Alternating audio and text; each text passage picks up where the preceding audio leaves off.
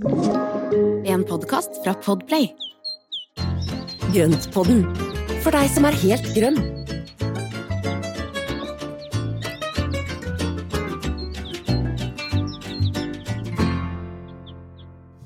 Hallo alle sammen, og velkommen til Grønnpodden. Hallo Espen. Hei, Marianne. Likte du introen? Ja, vet du hva, det var en liten, liten vri på den. Nydelig. Det er Ja. liksom, ja, veldig Litt annerledes, og det er fordi at vi nå fyller ett år. Jeg tenkte at vi må liksom juble litt ekstra i dag. Ja, og for å si det sånn, dere skulle sett den bløtkaka som står her hos meg, altså. Åh, gud, Nei det burde vi jo hatt!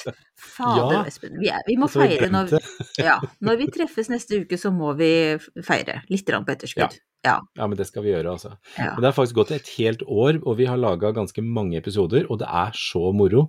Eh, og det beste av alt er at når vi da sitter og ser på ting vi har lyst til å snakke om forover, så, så klarer vi ikke helt å bestemme oss, for det er ganske mange ting på blokka. Og det er gøy. Ja. Så vi gir oss ikke med det første, for å si det sånn.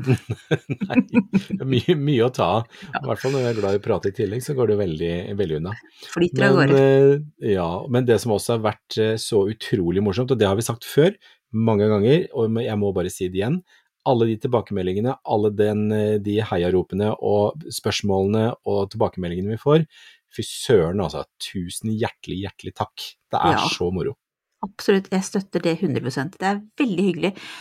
Og da kom jeg på noe som jeg har hørt andre si, altså andre podder har sagt, og det er sånn hvis dere liker oss, så kan dere godt gi en god sånn tilbakemelding i podspilleren din. For der går det an å ja, det går an å rate. Hva blir det for? Åh, Så hvis dere forstår noe mer av det enn det vi gjør, så kan dere godt gjøre det. Ja, ja. Vi snakker ikke mer om det nå. Vi kan, vi kan undersøke hva det går ut på. Uh, Ja. ja. Men du, for å feire, så har vi lagd en spesial om Altså nå har jeg skrevet buketter, men jeg forstår at det er litt mangelfullt. Altså ulike altså blomsterarrangementer, da, egentlig. ja. Det er litt rundere og, rundere og bedre å liksom beskrive litt bedre, for vi kommer til å komme innom ganske mye forskjellig. Ja. eh, som omhandler både buketter og arrangementer, dekor og miljøriktige alternativer til å fikse dette her. ja. Og vaser. En Vaser, liten vasegarderobe, ikke minst. Ja. Og en eh, god bunke med blomster som er i sesong, og som da er kjempefine bukett nå. Mm, det blir bra. Ja, vi har jo allerede i fjor, i episode åtte, var det, så snakket vi om Mm. buketter opp mot dette med å lage bukettbed. Um, så, så bare sånn før vi setter i gang med det her, så kan vi bare tipse om å høre på den hvis dere har lyst til å forberede um, for et eget bukettbed i sommer. Sant? Mm. Mm. Og der, var det jo, der gikk det jo på veldig mye av de blomstene som er fine å dyrke, som da gir de derre ulike uttrykkene i buketter. Mm. Uh, og det er jo da ting som er nå, nå som kan settes i gang nå, og, og enten som frø, eller som da kan bestilles som knoller, altså georginer og sånne ting. Men eh, nå så har vi jo faktisk gått rett og slett på å kjøpe blomster, vi.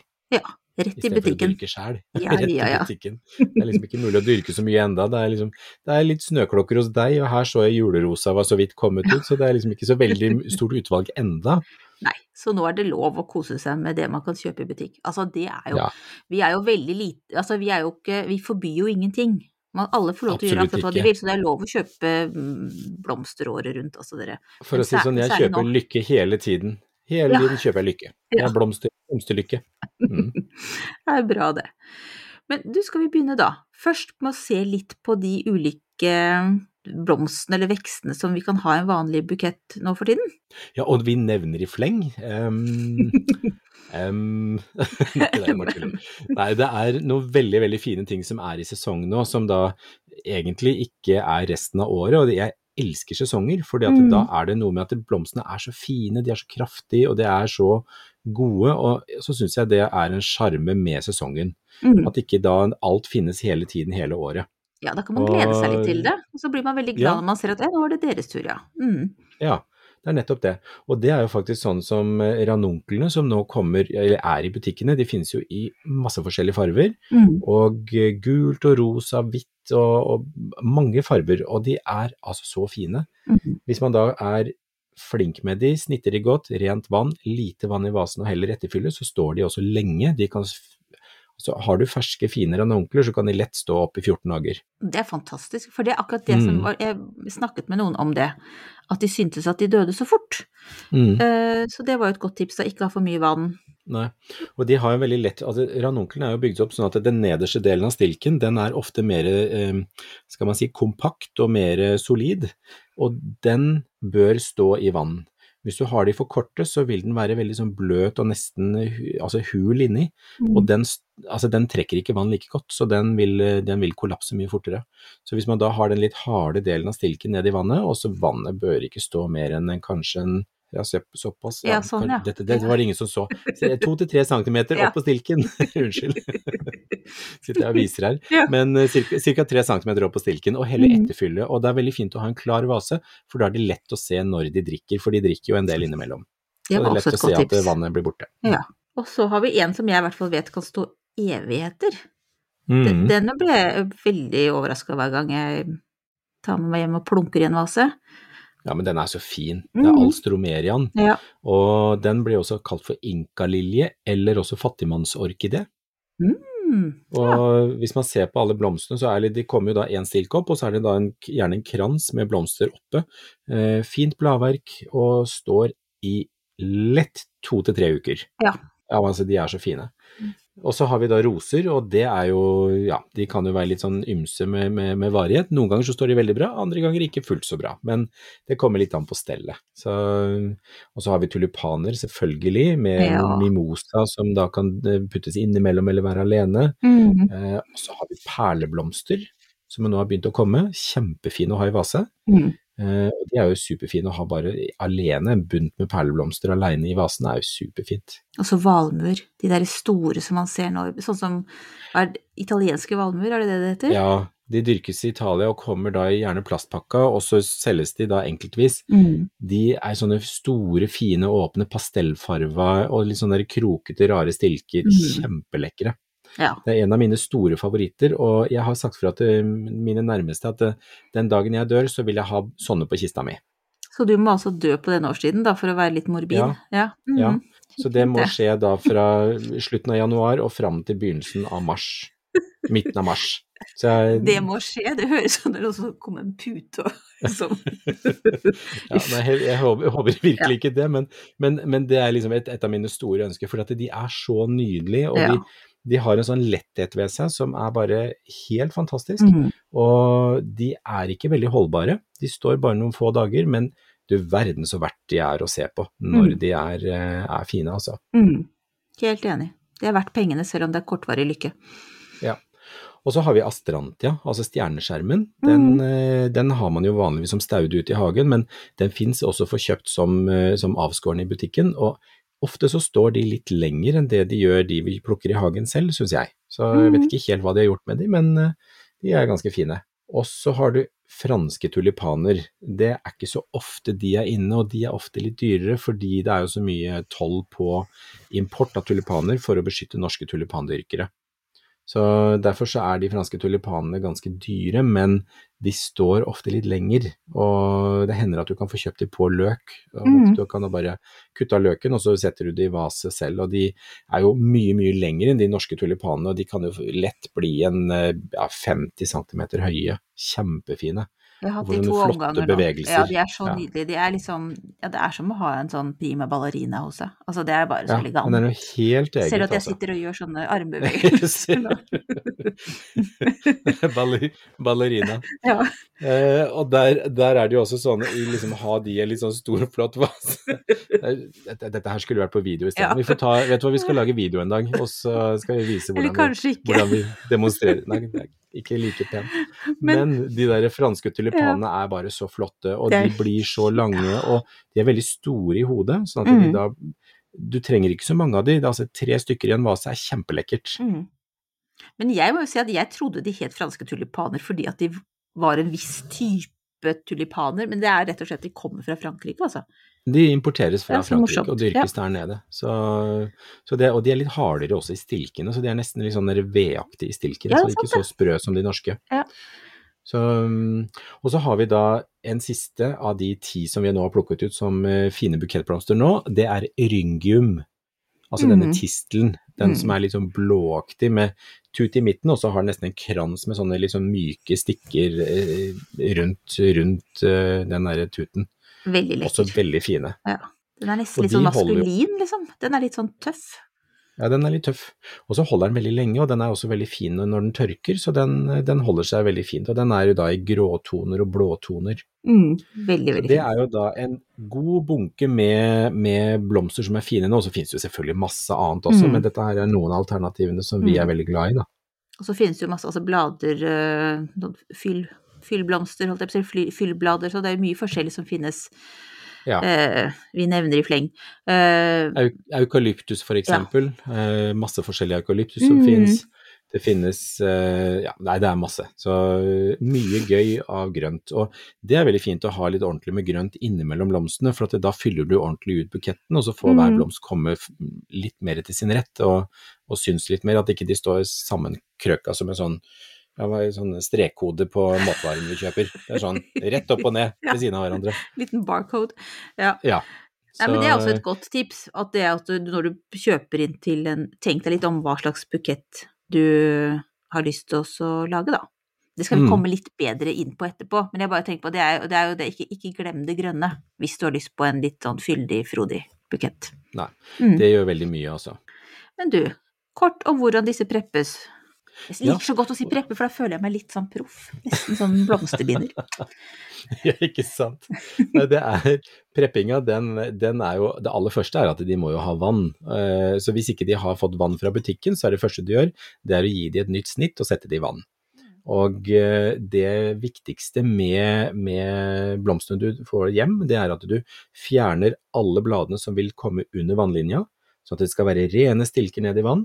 Skal du ha f.eks. de vanlige tulipanene, så skjærer du rett over, for at de trekker opp vannet likevel. Men har du da roser og litt mer harde stilker, så skjærer du skråsnitt. eh, Og da i ja, fingerlunka vann, egentlig, som, som de kan gå ned i. Og på den måten så vil de fleste blomstene kunne ha det bra. Jo hardere stilk, jo mer skrå skal stilken snittes.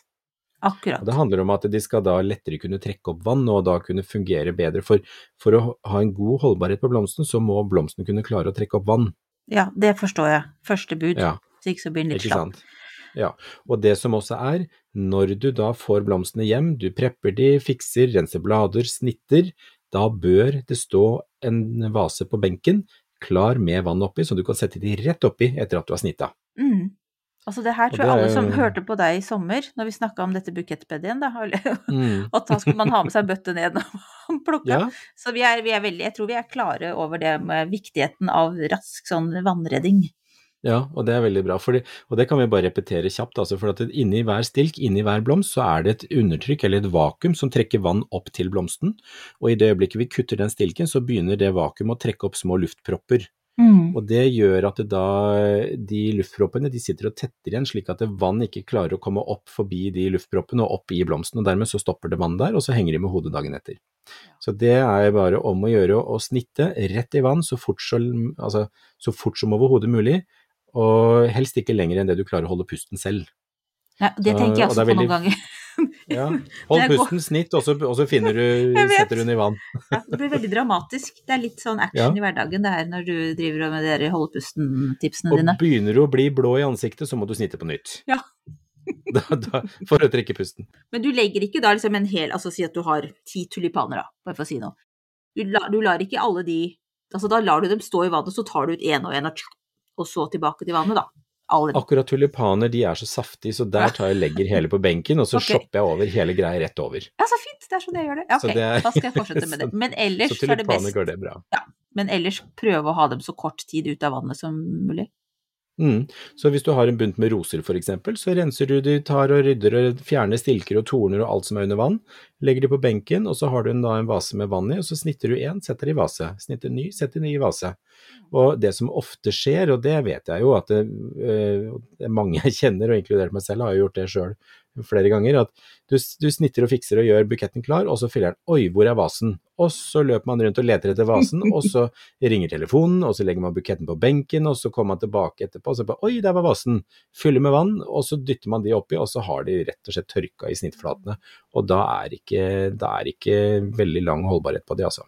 Kan man Så, snitte på nytt, eller er det litt eh, Absolutt. Ja, okay.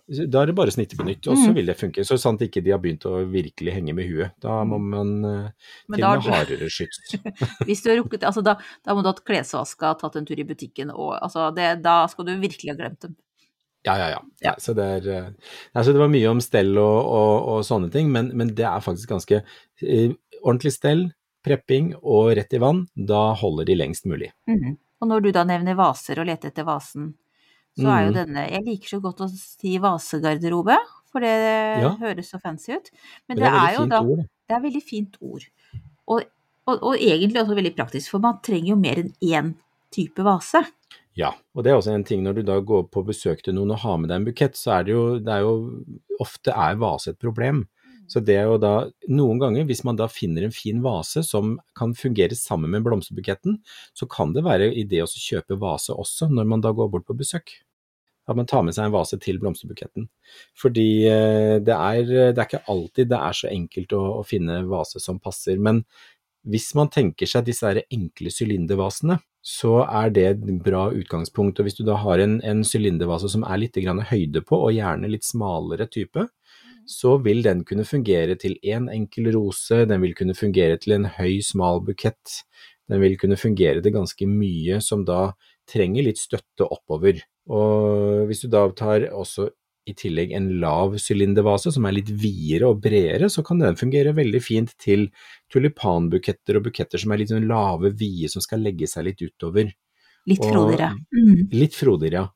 Og der kan det også være fint med til en sommerblomstbukett. Altså hvis du plukker en, en helt sånn løs sommerblomstbukett, setter den sammen i en sånn litt vid, lav vase, så blir jo det kjempelekkert. Mm.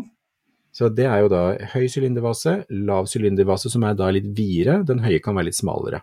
Det er jo to alternativer som jeg tenker mm, bør stå i skapet. Mm. Ja. Er det noen flere vi trenger da, eller? Hvis du vil ha da litt annen form på det, så er jo også disse runde vasene fine, men der igjen så er det da, hvis det er en vase som er smalere i toppen, men beholder vidden i bunnen, altså da vil buketten kunne stå med kryssa stilker og allikevel holde seg vid og fin.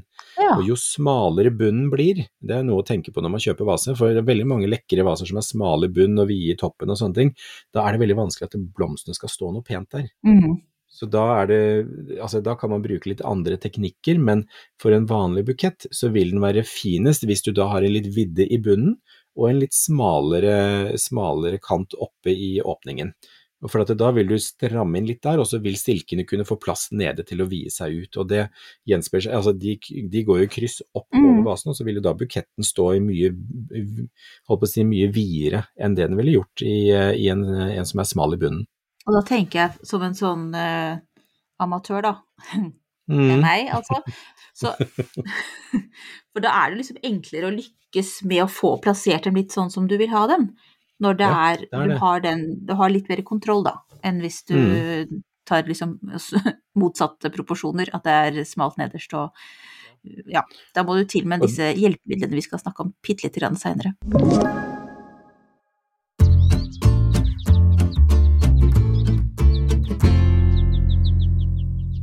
Jeg er jo selverklært sånn blomsterplunker. Altså jeg.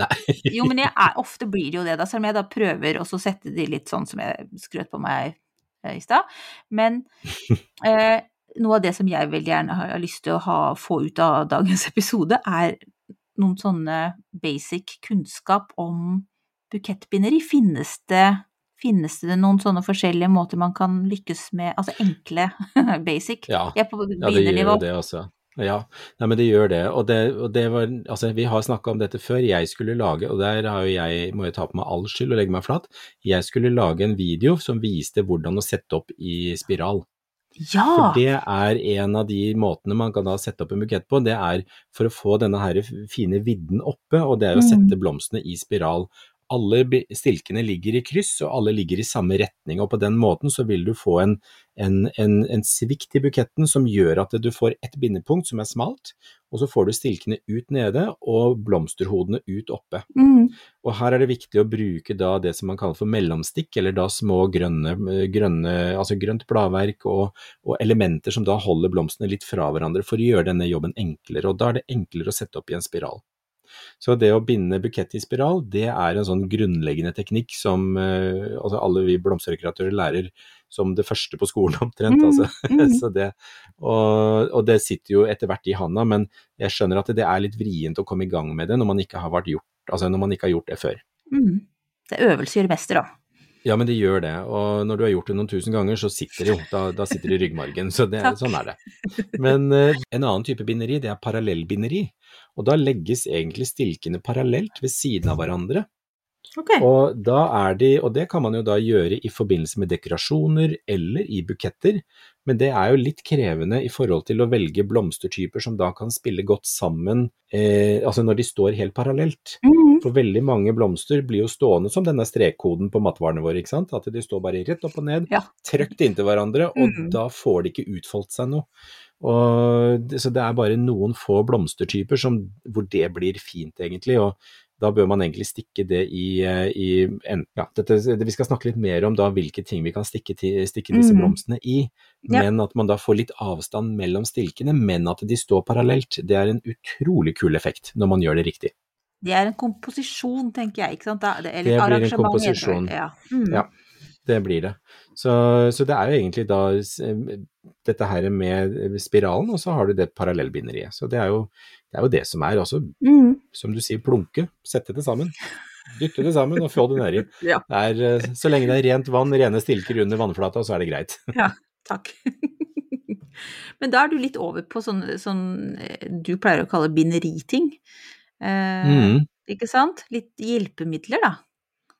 Ja, og det er jo det, er jo det som er så gøy. For at det, nå har det vært litt grann fokus på det i det siste. Har jeg sett flere dele innlegg om på, altså på Instagram og Facebook. Og vi nevnte i siste episode Blomsterhagen på Abelsø og Moseplassen har Mm. vært veldig gode på å løfte fram da alternative, miljøriktige alternativer til, eh, til dette med å sette opp blomster.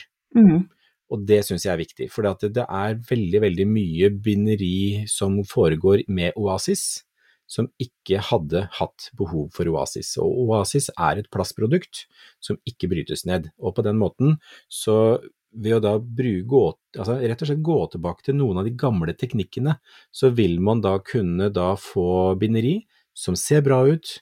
Det, det vil koste kanskje noen kroner ekstra, for det er litt mer jobb noen ganger, men da kan alt brytes ned, alt kan gås rett i komposten, og det går helt fint. Og det er sånn som alle, hvis du går i en ordentlig blomsterbutikk og ber om å få en bukett, Mm. bundet sammen på gammeldags måte, da, så er det noe som Mm. alle kan. Ja, og at man da også bruker til å binde buketten, så bruker man hamp eller jute, sånn at du da Mm. eh, bryter ned det også, at ikke det er noe der som, eh, som ikke brytes ned. Og min oldemor, i gamle dager så har eh, altså Mamma har fortalt meg det flere ganger, at eh, oldemor hun bandt kranser for eh, altså folk i Risør, altså hun kommer fra Risør, og der nede så kom da massevis av naboene og folk i byen, de kom til henne for å få bundet kranser når noen døde. Og eh, mammas tante, hun dro opp på heia og henta da bjørnemose, grener, satte sammen og bandt en underlag, en krans som et underlag av bjørnemose og greiner og sånne ting.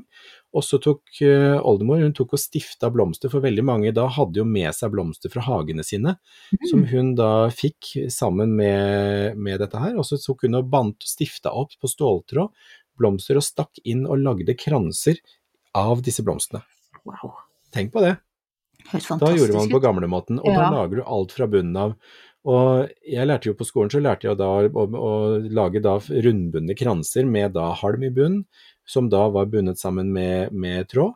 Og så brukte vi da spekkenål for å da stikke nål gjennom, trekke blomsterstilken inn, og sånn at den blomsten står i halm Ja, ja, til en begravelse. Og Ja. det gjør at du da kan ha en kjempefin rundbundet krans, men da uten oasis. Er det vanlig? Det- Kan man fortsatt få kan man... Nei, Nei? Nei, det er ikke vanlig, altså, for folk, det, er, det er mange som ikke bruker de teknikkene lenger. Mm. Og det er jo egentlig tullete, for det er helt brukbare teknikker. Litt mer jobb, krever litt grann mer av eh, dekoratøren som skal gjøre jobben, men det er et veldig miljøriktig alternativ. Mm. Og det Og høres det syns jeg vi skal snakke mer om. Ja, det er Ja. kjempefint. Ja. Og det står ikke noe tilbake for, for andre, eh, jeg på å si, oasisbundne Mm. ting, da. Interessant. altså, sorgbinderi, så er det jo fryktelig mye oasis som går ut. Det er jo alle kranseunderlagene og alt mulig rart. Mm. Og en jeg jobbet sammen med for mange år siden også, hun brukte jo da halmkrans med grønt på, og så bandt hun da eh, en klump med bjørnemose som da alternativ til en oasisklump, og så stakk hun blomstene inn i den. Og den holder også litt på fuktigheten. Ja, Og på den måten så kunne du da lage en, en kronekrans, altså en krans med, med en dekorasjon på, og så grønt rundt. Mm. Eh, igjen miljøriktig.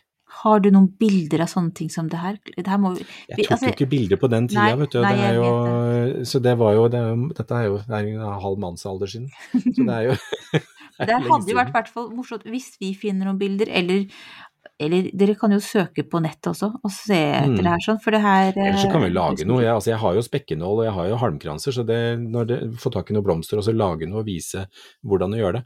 For Mm. det er en veldig morsomt å, å kunne bruke disse gamle teknikkene.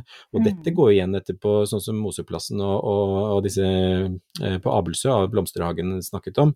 Dette å bruke fakirer og eh, du har jo snakket om blomsterfrosk, ikke sant? sånne mm. glasselementer som du kan stikke blomstene nedi som står i Mhm. bunnen av vasen.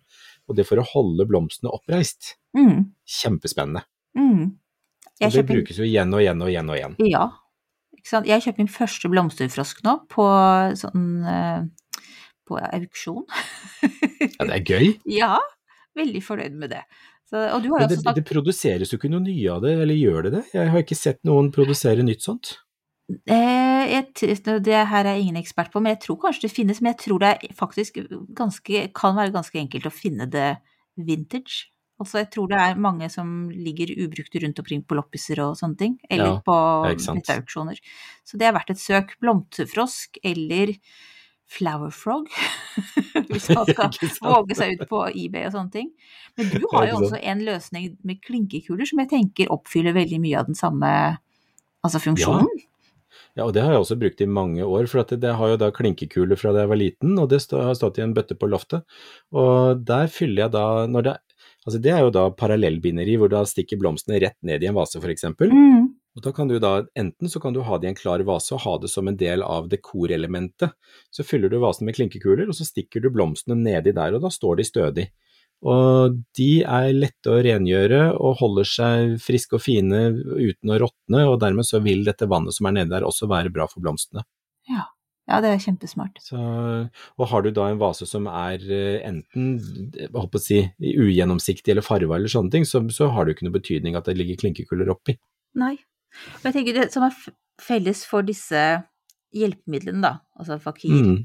og sånne ting, er jo det at det, da kan du jo også bruke andre type Altså du trenger jo ikke ha disse tre vasene nødvendigvis, du kan kanskje bruke en, si, en gammel suppeterrin. Altså da kan du jo ja. jobbe mer eh, fritt fra Mm. vaseformen. Definitivt, og da er du ikke avhengig av at det blir støttet av kanter og sånne ting. Og, og det er jo For jeg gikk jo også tidligere så gikk jeg i lære på, for, hos en gammel dame som drev med ikebana. Og ikebana er jo en gammel blomster, altså japansk blomsterkunst som da egentlig kom fra er det zen-buddhismen, tror jeg. Altså de ble jo satt sammen, eh, blomsterarrangementer som en del i Det var vel ikke akkurat ofring, men det var jo som en da gest til, eh, til tempelet hvor man da hadde også mye symbolikk i det, hvor du da har himmelen, jorden, mennesket, det det er masse symbolikk, det er masse ting, jeg husker jo ikke alt dette her nå, men der har du jo bare denne kensan som det heter, eller den fakiren, denne pinnsvinet som man setter blomstene i, og så setter du den gjerne i et fat med et vannspeil, sånn at du også har vannet der. Og så fyller du inn blomster som da skal eh, både representere elementene, men også skal da gi en harmoni og balanse. Mm. Så det er jo kjempelekkert. Ja, det er kjempespennende. Går det an å komme med noen sånne grunnleggende råd der, eller er det for komplisert? Altså, du sier at man skal liksom tenke høyde og bredde, ja, det er høyde og proporsjoner og bredder Mm. og sånne ting. Og det er litt komplisert. altså, jeg, jeg tør ikke begi meg ut på det her. Det kan dere også søke på I, nettet. i, på, i lyd, lydformat. Det hadde vært enklere hvis jeg skal vise det i video. Det kan, eh, det kan heller, eh, heller, prøve å få gjort noe sånt. Men det er en veldig spennende, spennende teknikk, og det er en veldig spennende altså både historikk rundt det og, og måte å gjøre det på. Og det som også er kult, det er jo det at ikebana den, den henger jo litt sammen med den norske måten å bruke blomster på, hvor blomster i Norge er ganske dyrt. Altså det er jo en del blomster som er kostbart i Norge, og da har jo Norge, eller norske dekoratører, har jo måttet gjøre mer for å vise blomstene eh, på best mulig måte, og gjøre maksimalt ut av det man får kjøpt. Ja. Mm. Altså Sydover Europa så kjøper du en bunt for ingenting. Det, altså, masse, altså, det blir sånn store volumer. Mens her, pga. kostnadene rundt blomster, så tror jeg egentlig at mange av oss har tenkt at ok, men hvordan kan vi vise fram blomsten på best mulig måte? Også hvor man da lar de få spille litt egen rolle. Eh, og, det da, og det gir jo det veldig sånne elegante uttrykk istedenfor en bare en svær, svær bunt. Så, så, får du et helt annet uttrykk og kan da ha sånne ja, hva er det vi heter for formalbuketter, som da har en helt annen oppbygning og sånn, mer sånn eh, arkitektonisk oppbygging. Mm.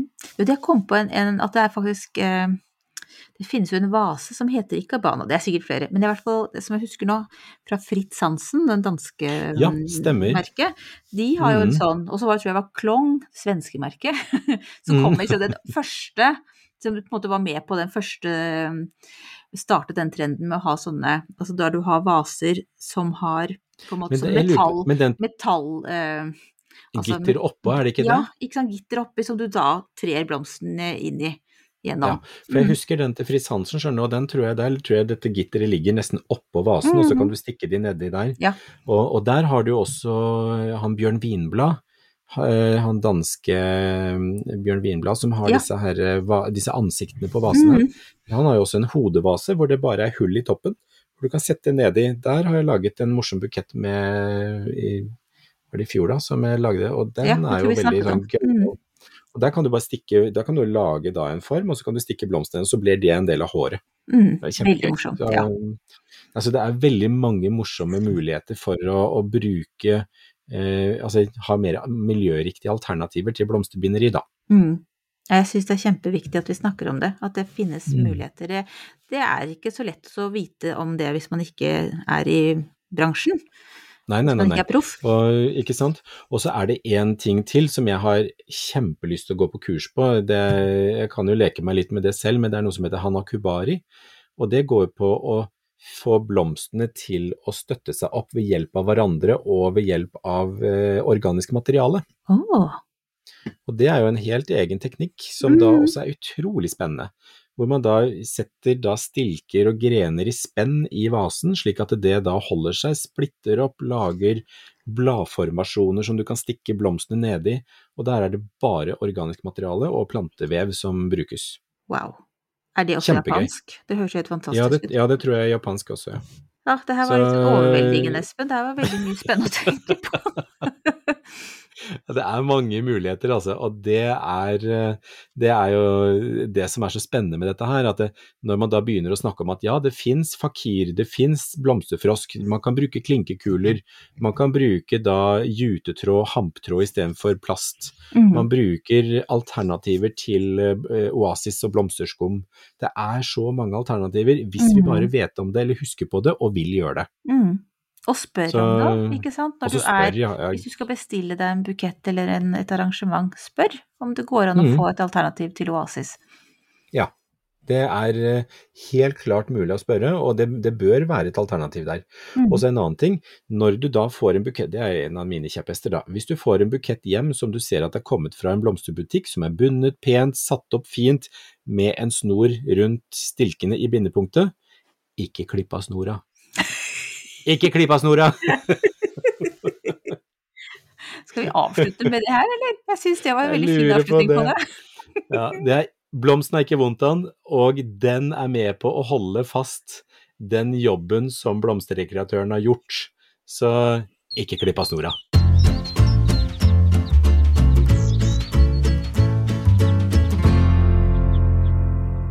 Ja, altså vi er jo Jeg kjenner jeg nå er helt sånn bukettmatt.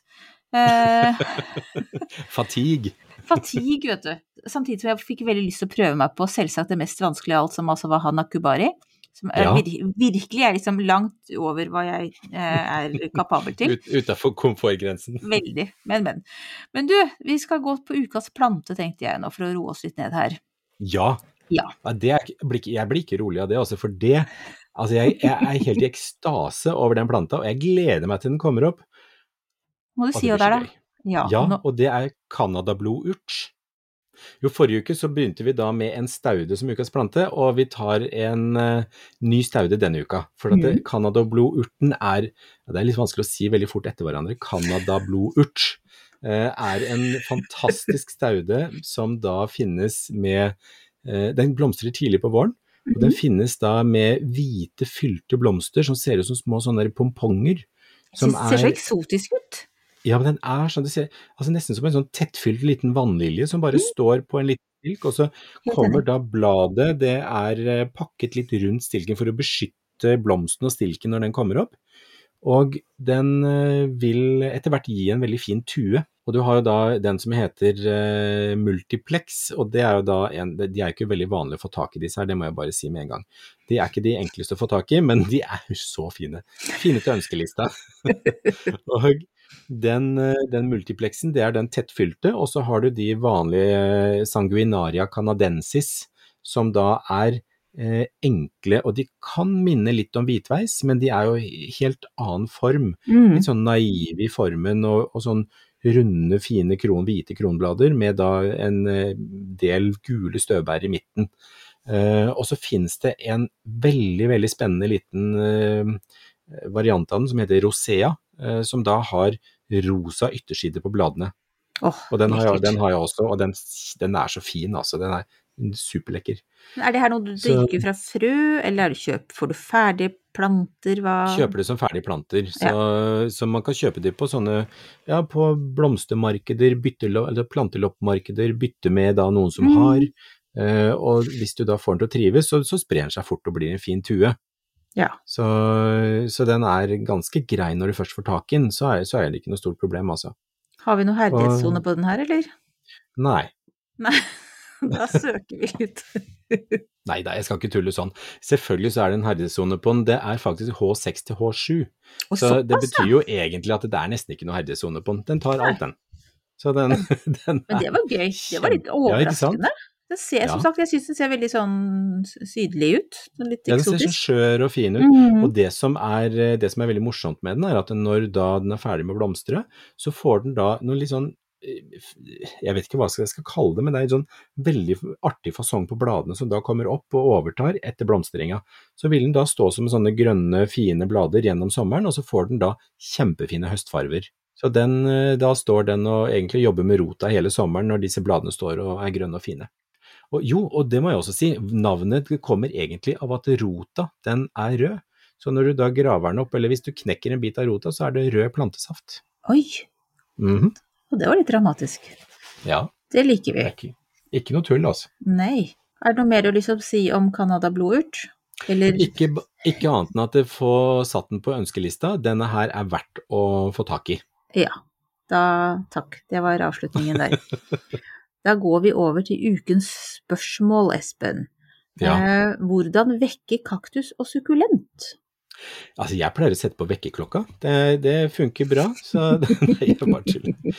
Nei, den, den, det er egentlig litt med årstiden å gjøre. Når, når man da kommer og dagene blir varmere, sola tar litt mer, dagene blir lenger, eh, så er det det å begynne å gi forsiktig med vann. Ikke gi for mye, for du kan tenke deg at hvis de har vært i dvale gjennom hele vinteren, ikke fått vann på kanskje fire, fem, seks måneder, så skal de plutselig få vann igjen, og da trengs det litt tid for røttene å aktivisere seg. Eh, hvis de da får masse vann eh, for tidlig, før røttene er aktivisert, så vil de fort kunne bli råte, og da, da kollapser jo hele greia. Så det å gi litt vann, dusj litt forsiktig enn eh, i starten, og så gi litt vann, og så gradvis gi litt mer vann når de da kommer i gang.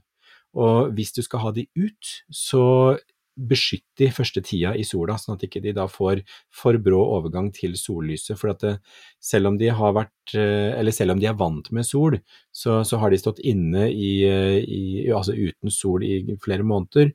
Akkurat som med oss mennesker, så blir vi fryktelig solbrent med en gang vi kommer ut. Litt herding må til. Litt herding. Ja. Så Så gradvis tilvenning med vanning, det, og det vil som regel sette i gang eh, veksten og vekke dem til liv igjen. Mm. Supert. Takk. Hva gjør du nå? Og så tror jeg du også skal snakke om kaktus, kjenner jeg deg rett? Ja! Jeg har kjøpt kaktus! Ja. Og jeg har kjøpt kaktus igjen, herre min, jeg er jo faen meg idioten, vet du.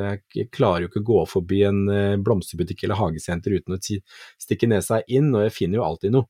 Så eh, i dag så var jeg faktisk forbi et hagesenter som hadde en kjempefin kaktus. Som eh, er da i slekt med denne Calamodonis, Modonis nei, Hildebenterian. Det er disse som henger lange, tynne Nei, ikke så tynne, altså de kan jo bli litt tjukkelse på de, men det ser ut som apehaler. Hårete apehaler Ja, ja, ja. som henger ned. Mm. Og nå fikk jeg tak i en litt annen variant som nå har ikke noe hår, men, eh, men da får noen sånne gylne blomster som kommer rett ut av den tynne stilken, så bare står det en blomst rett ut. Altså, sjukt fine. Veldig fornøyd. Du er så fornøyd. Så det jeg skal gjøre nå, ja, det, egentlig, spørsmålet er liksom hva jeg skal gjøre med de. Jeg må potte de om, for de kom selvfølgelig i torv. Det er fyr. Og det må, ja det er fy-fy. Kaktuser skal ikke i torv, så de må jeg da dra opp nå, og så må jeg da få gitt de da et mineralsk substrat. Bare sånn grusbasert. Eh, sand, grus, eh, pimpstein, sånne ting. Sånn at de da får, altså de får ny, nytt miljø for røttene, og på den måten så er de da klare til vekstsesongen. Så da, når det da blir litt grann mer varme, så begynner jeg forsiktig vanning, og da er de i gang. Mm. Bra. Jeg Så det, at den, det skal jeg gjøre. den kaktusen er i, kaktus. Ja, den er i gode, trygge hender hos deg, tenker jeg. Kunne ikke fått et bedre hjem. Jeg håper det i hvert fall. Vi får se. Men du da, Marianne, hva skal du gjøre nå? Ja, nei, altså det er jo ikke så veldig spennende, for jeg fortsetter jo med denne der, eh, vandringen av eh, hostar fra et sted av hagen til et annet. Ja, men du har jo så mange av de. Ja, jeg vet, og så må jeg innrømme at når det blåste liksom mm, rett vest eh, de siste dagene, så har jeg liksom ikke vært så ivrig med denne daglige økten ut. Men altså, det er jo det jeg skal fortsette med, jeg må bare få gjort det nå. Og også Ja. jobbe videre med å få begynt å dekke til de områdene som jeg ikke rekker å, å, å bekjempe disse grusomme ugressene i år. Så, det, så jeg må, ja. Så det er litt det. Eller så driver jeg og tenker på om det drivhuset som vi må pusse opp, som jeg begynte på i fjor, og som jeg skal fortsette med i Mm. år. Men skal vi ha noen plastgreier i, som vinduer der, eller skal vi ha de gamle glassa vi har fra før? Altså Greia er igjen at det blåser jo så utrolig her når det blåser på sitt verste, så jeg vet liksom Ja. ikke Så vi driver og vurderer litt, da. Ja. Mm. Men det er jo også noe som man kan gjøre kombinasjon, altså ha kanalplast i taket og, og f.eks. glass i sideveggene. Mm. Ja, Så det det er finnes jo kombinasjonsløsninger som man også kan se på. Ja, så vi får se. Jeg vet jo at jeg har veldig lyst til å kunne bruke de gamle glassene, men Mm. vi må nesten være litt realistiske også. Så vi får se. Ja. Men det er jo en kjempejobb dere har, satt, altså, dere har tatt for dere der. Altså, det er jo ikke noe, det er ikke noe småtterier. Og, så driver, og det er egentlig det, altså det drivhuset er litt sånn sideprosjekt, for det vi egentlig holder på med nå er å pusse opp uh, uthuset og lage leilighet der, og så skal vi ha basseng bak der etter hvert. Altså du vet, det litt sånn baller på seg. Så, men jeg prøver jeg, å liksom holde på med dette drivhuset, for det vil jeg veldig gjerne ha klart, for jeg ser absolutt at jeg kan ha stor glede av å, å få det i gang, da. Ja, ikke sant. Ja, det skjønner jeg godt, herre min. Drivhus er jo en drøm. Ja, Rett og slett. Ja, enda en episode er nesten over, Espen. Ja, Og jubileumsepisode. Altså, vi burde jo virkelig hatt champagne og kake og alt mulig, men vi tar det igjen. Men vi det tar vi når, når vi ses neste gang, så, så skal vi ha det. Det lover jeg. Vi er vi veldig glad for at vi har holdt på et år. Det er kjempegøy. Vi har Mm. lært så mye, vi òg. Mm. Mm. Blitt kjent med mange herlige mennesker og Ja. Så ja, koselig. Koselig å ha dere det, med oss. eh, det har vært en eh, veldig gøyal lærekurve, altså læringskurve både teknisk, for, for å lære seg alt dette tekniske Ja. tingene, men eh, også faglig, for det er jo også noe med at når man får alle de spørsmålene man får, så er det noe at da må man jo skjerpe seg og sjekke opp og børste støv av gamle kunnskaper, Og det å formidle disse tingene er jo det er veldig morsomt, altså. Kjempegøy. Veldig gøy. Veldig inspirerende. Absolutt. Og jeg, selv om jeg har da denne teflonhjernen, så jeg kan jo nå langt flere blomster- og plantenavn enn jeg noensinne trodde jeg skulle kunne. Og det er jo, det er jo på grunn av denne poden.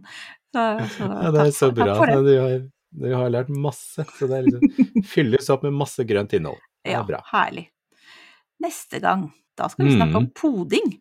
Det blir Ja, det gjør det.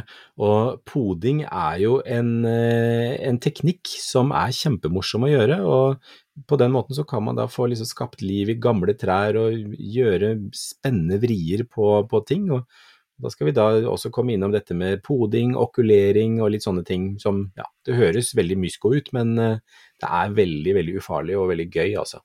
Ja, og det, altså, jeg syns jo det høres dritvanskelig ut og skikkelig komplisert, og derfor så gleder jeg meg sånn til at du skal forklare litt og, og gjøre det enklere, da. Jeg skal prøve i hvert fall, se om ikke vi kan gjøre det. Herlig. Nei, det blir gøy. Mm. I, og tenker I mellomtiden så får dere jo veldig gjerne følge oss på sosiale medier. Eh, Mm. Vi heter Grønnpodden, vi, og vi tar gjerne imot uh, ris og ros, og helst ros, men altså, hvis det er ting dere savner, eller Ja. syns vi burde nevne mer, eller sånne ting, si ifra. Så gjør vi Ja, gjør det. Ja, så tilpasser vi oss. Uh, Mm. Men følg oss på Instagram eller Facebook, og så høres vi her om en uke. Det gjør vi. Ha det bra, tusen takk for nå. det! Hei.